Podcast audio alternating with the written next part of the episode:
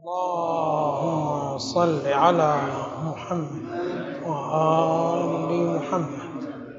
اللهم صل على محمد وآل محمد.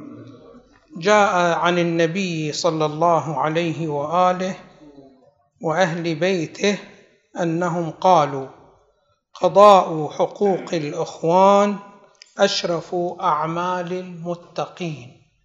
قضاء حقوق الإخوان أشرف أعمال المتقين. ذكرنا فيما سبق أن الله سبحانه وتعالى وظف الإنسان المؤمن بالكثير من العبادات ولكن هذه العبادات ليست بمستوى واحد وإنما هي متفاوتة ومتفاضلة.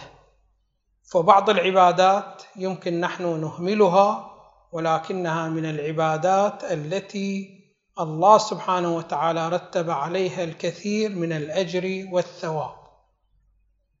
فمثلا عندنا إحنا عبادة التفكر في مخلوقات الله سبحانه وتعالى وكيف تدل على الله سبحانه وتعالى وكيف تدل على صفاته. هذه من أفضل العبادات ومن أفضل الأعمال. حتى قد أنه قد ورد عن النبي صلى الله عليه وآله تفكر ساعة خير من عبادة سنة. بهذه الصورة بهذا النحو. فعلينا أن نسعى إلى تحقيق مثل هكذا عبادات. فإنه الإنسان بالنسبة لهذه العبادات التي هي مثل الصلاة ومثل الصوم ومثل الحج وإلى آخره من هذه العبادات لا يخلو عمل الإنسان مهما حاول لا يخلو من تقصير. فإحنا الآن إذا اطلعنا على الصفات والضوابط التي تجعل الصلاة مقبولة عند الله سبحانه وتعالى يمكن ما نحصل ولا صلاة من هذه الصلوات التي صليناها في حياتنا كلها مشتملة على هكذا أمر. ولكن الإنسان إذا اشتغل بعض الوقت بهذه العبادات التي هي مثل التفكر مثل استذكار النعم مثل الشكر لله سبحانه وتعالى فإنه يتلافى ذلك القصور. فلنجعل من أوقاتنا وقتا مخصصا وإن كان قصيرا لمثل هذه العبادات. ولا نخرج من الدنيا ونحن لم نمارس هكذا عبادة مثل التفكر في الله أو استذكار النعم وإلى آخره من هذه الأمور. علينا أن نلتفت. فعلى أي حال هذه العبادة التي يشير إليها النبي صلى الله عليه وآله في هذه الرواية وهي اداء حقوق الإخوان يقول هي من أشرف عبادات المتقين. لماذا؟ قبل أن نتكلم في هذه المسألة نشير إلى أن الأخوة لها عدة أنحاء. عندنا أخوة نسبية وعندنا أخوة إنسانية وعندنا أخوة إيمانية.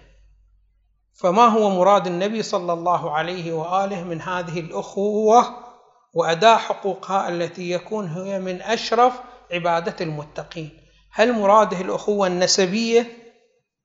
يعني الاخ الذي ينتمي معك إلى أم واحدة وإلى أب واحد هل مراد هو هكذا شيء؟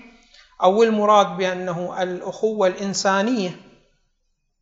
أنه يشترك معك في أنك تنتمي إلى الإنسانية وهو ينتمي إلى الإنسانية أو المراد الأخوة الإيمانية. يقولون قطعا مراد النبي صلى الله عليه وآله ليس الأخوة النسبية. باعتبار الأخوة النسبية ما لها تلك الحقوق بتلك القيمة التي تجعل هذه العبادة من عبادة المتقين. فإنه نحن نلاحظ بأنه في القرآن الكريم إبراهيم تبرأ من أبيه. بس أبيه هذا الذي رباه أو النسب من نشغل. ولكن القرآن يذكره بعنوان أنه أب وتبرأ منه إبراهيم تبرأ من أبيه لأنه مشرك.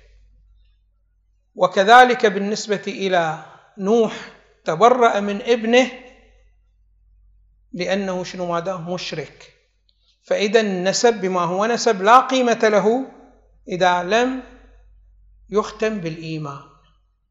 وكذلك الأخوة شنو ماذا؟ الإنسانية. الأخوة الإنسانية أنت قد تؤمر بقتل أخيك الإنسان اللي قتلهم أمير المؤمنين سلام الله عليه في غزواته وفي معاركه.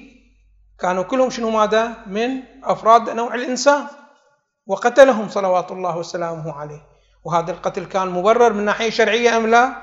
كان مبرر من ناحية شرعية. فإذا لا قيمة إلى شنو ماذا إلى الأخوة في الإنسانية. وإنما القيمة كل القيمة في الأخوة الإيمانية.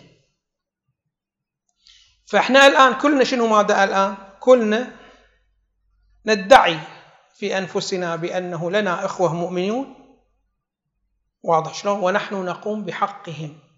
ولكن هذا الادعاء ليس بكافي.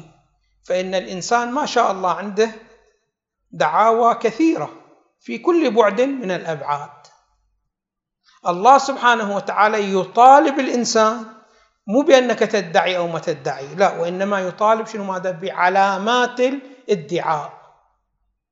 إحنا عندنا مجموعة من الروايات الواردة عن النبي صلى الله عليه وآله وعن أهل بيته وكذلك موجودة هذه شنو ماذا؟ المعاني العلمية في القرآن. أنه دائما إذا تكلم عن مقام من المقامات يذكره ببعض العلامات. فيقول أنت لا تكتفي بأنه نفسك تدعي بأنه أنا أخو مع فلان من الناحية الإيمانية وقد أذيت حقوقه. إلا بعد أن تعرض على نفسك هذه العلامات.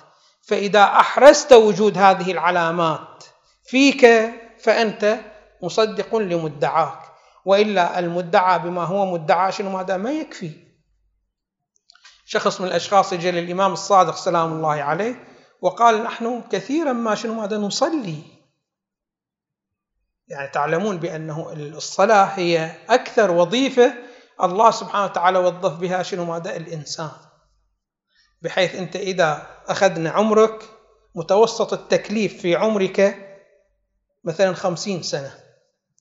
يعني مثلا خمسة عشر سنة بلغت وعلى شنو ماذا؟ وعلى مثلا خمسة وستين سنة مثلا شنو ماذا؟ توفى توفاك الله. فكم سنة في التكليف؟ خمسين سنة.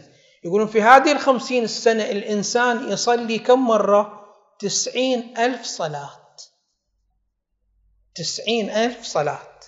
الله سبحانه وتعالى ما كلفك بقية الأمور بهذا النحو. كلفك بالحج مرة واحدة إن كنت مستطيع. وكلفك شنو ماذا؟ بقول لبيك اللهم لبيك مرتين. إحرام العمرة وإحرام شنو ماذا؟ عمرة التمتع وإحرام شنو ماذا؟ الحج. بينما شنو ماذا؟ بينما بالنسبة إلى الصلاة تسعين ألف مرة كلفك بها. هذه يأتي للإمام يقول كم نحن نصلي؟ ما شاء الله نحن نصلي. فالإمام ماذا يقول له؟ يقول له المهم القبول. الله سبحانه وتعالى متى يقبل هذه الصلاة؟ فقال له متى يقبلها؟ قال له اقرأ القرآن. القرآن يقول تستطيع أنه أنت شو ما تعلم بعلامة قبولك للصلاة. إذا أمرتك بالمعروف ونهتك عن المنكر. واضح شلون؟ هذا هو شنو ماذا هو هذا؟ ميزان قبول الصلاة. وإلا الصلاة ليست شنو ماذا بمقبولة. يعني أنت الآن جدا من الأمور المتناقضة جدا جدا. أن تشوف المجتمع مجتمع يصلي كل يصلي المجتمع. ولكن تذهب إلى المحاكم تشوف شنو ماذا مملوءة. كيف يجمعون هؤلاء؟ شنو ماذا؟ بالصلاة بين الصلاة وبين شنو ماذا؟ وبين ملء المحاكم. بالآخرة المحاكم هذول اللي يدعون لابد أن يكون واحد فيهم محق والثاني باطل. واضح شلون؟ فاحسب كل دعوة من الدعاوى فيها محق وفيها باطل. فنص الذي يراجعون للمحكمة يعني شنو ماذا؟ عندهم شنو ماذا باطل. واضح شلون؟ فكيف يجتمع شنو ماذا الصلاة مع فعل الباطل. فلذلك الإنسان دائما إذا طلب من نفسه علامات الفعل يتضح له قيمة الفعل. وعندنا روايات كثيرة واردة عن أهل البيت سلام الله عليه يعبر عنها بأحاديث العلامات. واضح شلون؟ هي دائما أنت دائما اطلع على هكذا روايات. لا تكتفي بأنك شنو؟ ماذا تدعي ادعاء. فإن الله سبحانه وتعالى يوم القيامة ما ينظر إلى ادعائك ما هو وإنما يطالب منك شنو؟ ماذا العلامات. تقول أنا متقي الله سبحانه وتعالى ما يصنفك مباشرة على المتقين وإنما يذكرك بعلامات المتقين. بعد أنت شنو؟ ماذا تتوصل إلى أن فيك هذه العلامات فتسجل نفسك على الفائزين أو ما فيك هكذا علامات. تسجل نفسك على شنو؟ ماذا على الخاسرين. فهنا نحن ندعي بأنه أخوة شنو ماذا حقيقية شنو ماذا بيننا موجودة وقد أدينا شنو ماذا حقها. شوفوا الإمام سلام الله عليه ماذا يقول؟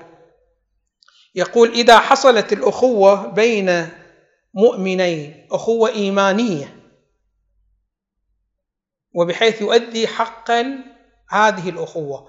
يقول الإمام سلام الله عليه إذا تحابا المؤمنان كانا كالجسد الواحد.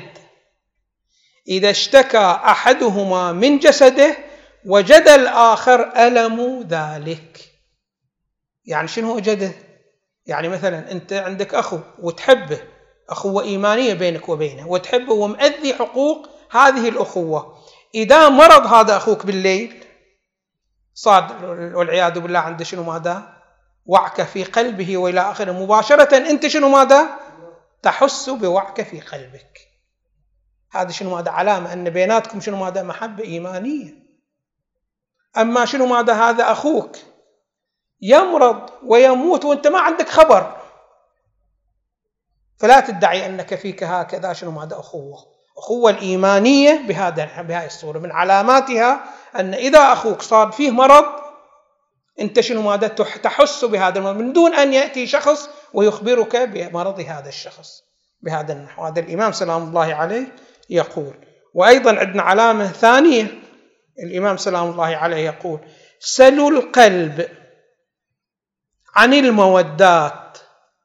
إذا تشكيت بأنه هل فلان أخوك المؤمن يحبك أو لا يحبك يقول سل قلبك أنت. سلوا القلب عن المودات. فإنها شواهد لا تقبل الرشاء يعني القلب أنت عندما تستفتيه وتسأله يبين لك حقيقة وما يقبل شنو ماذا رشوة في هذا الجانب. لا تقبل شنو ماذا الرشاء فإن كنت توده فهو يودك. إذا أنت في قلبك سألته وقال وقال قلبك جابك قال لك نعم أنا أحبه فهو قطعا شنو ماذا يحبك. يعني ما يصير حب من طرف واحد بين المؤمنين. ولكن هذا شنو ماذا؟ مو في القرابة النسبية ولا في القرابة الإنسانية وإنما في القرابة الإيمانية. فالإنسان إذا أحب شخص آخر من الأشخاص محبة إيمانية وصار في وقت من الأوقات بأنه شنو هذا الشيطان يقول له بأنه فلان ما يحبك أقول لك أنت تحبه أم لا؟ اسأل قلبك توجه إلى قلبك واسأله. فإذا أجابك قلبك بأنك تحبه فهو يحبك. هذه هم علامة شنو ماذا علامة ثانية.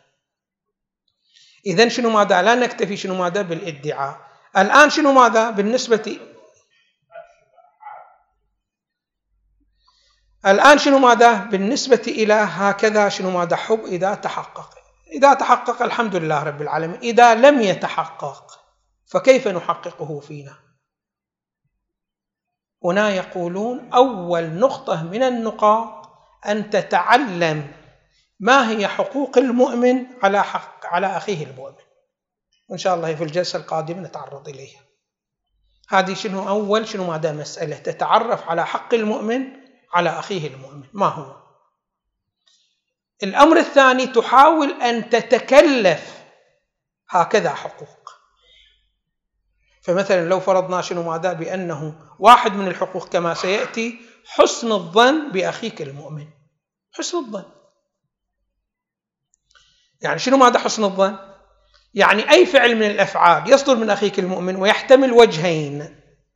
وجه سوء ووجه خير. مباشرة أنت تحمل على شنو ماذا؟ على وجه الخير. طبعا ابتداء أنت ما راح تحمل على وجه الخير بطيبك ولكن تتكلف يعني تؤدي هذا الأمر بصعوبة. ثم تمشي في هذا الطريق على هذا النحو حتى يكون هذا لك عادة. عاده يعني تؤديه بنحو سهل جدا جدا. فتتكلف اولا الحب تتكلف يعني تدعيه ثم بإتيان آثار الحب شيء فشيء يحصل الحب شنو هذا حقيقة بهذه الصورة وبهذا النحو. فاذا شنو ماذا علينا؟ أن نلتفت إلى حقوق المؤمنين على بعضهم البعض وهي ما شاء الله. يعني أنا الآن كثير من الشكاوى تصل إلي ما حد يتحمل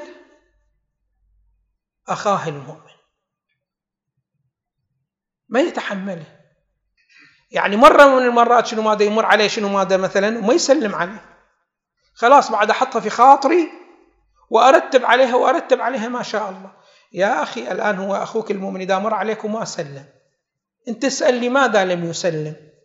واحد من الاحتمالات أنه متكبر عليك ومتغافل عنك. ولكن في احتمالات أخرى ما انحصرت في هذا الشيء. واحد من الاحتمالات أنه شنو ماذا؟ أنه عنده بعض المسائل مهمة في ذهنه وقاعد يفكر فيها. والله سبحانه وتعالى ما جعل لامرئ من قلبين في جوف واحد. فالواحد التفت إلى شيء تغيب عنه شنو؟ ماذا؟ أشياء كثيرة. فاحمل على هذا المحمل.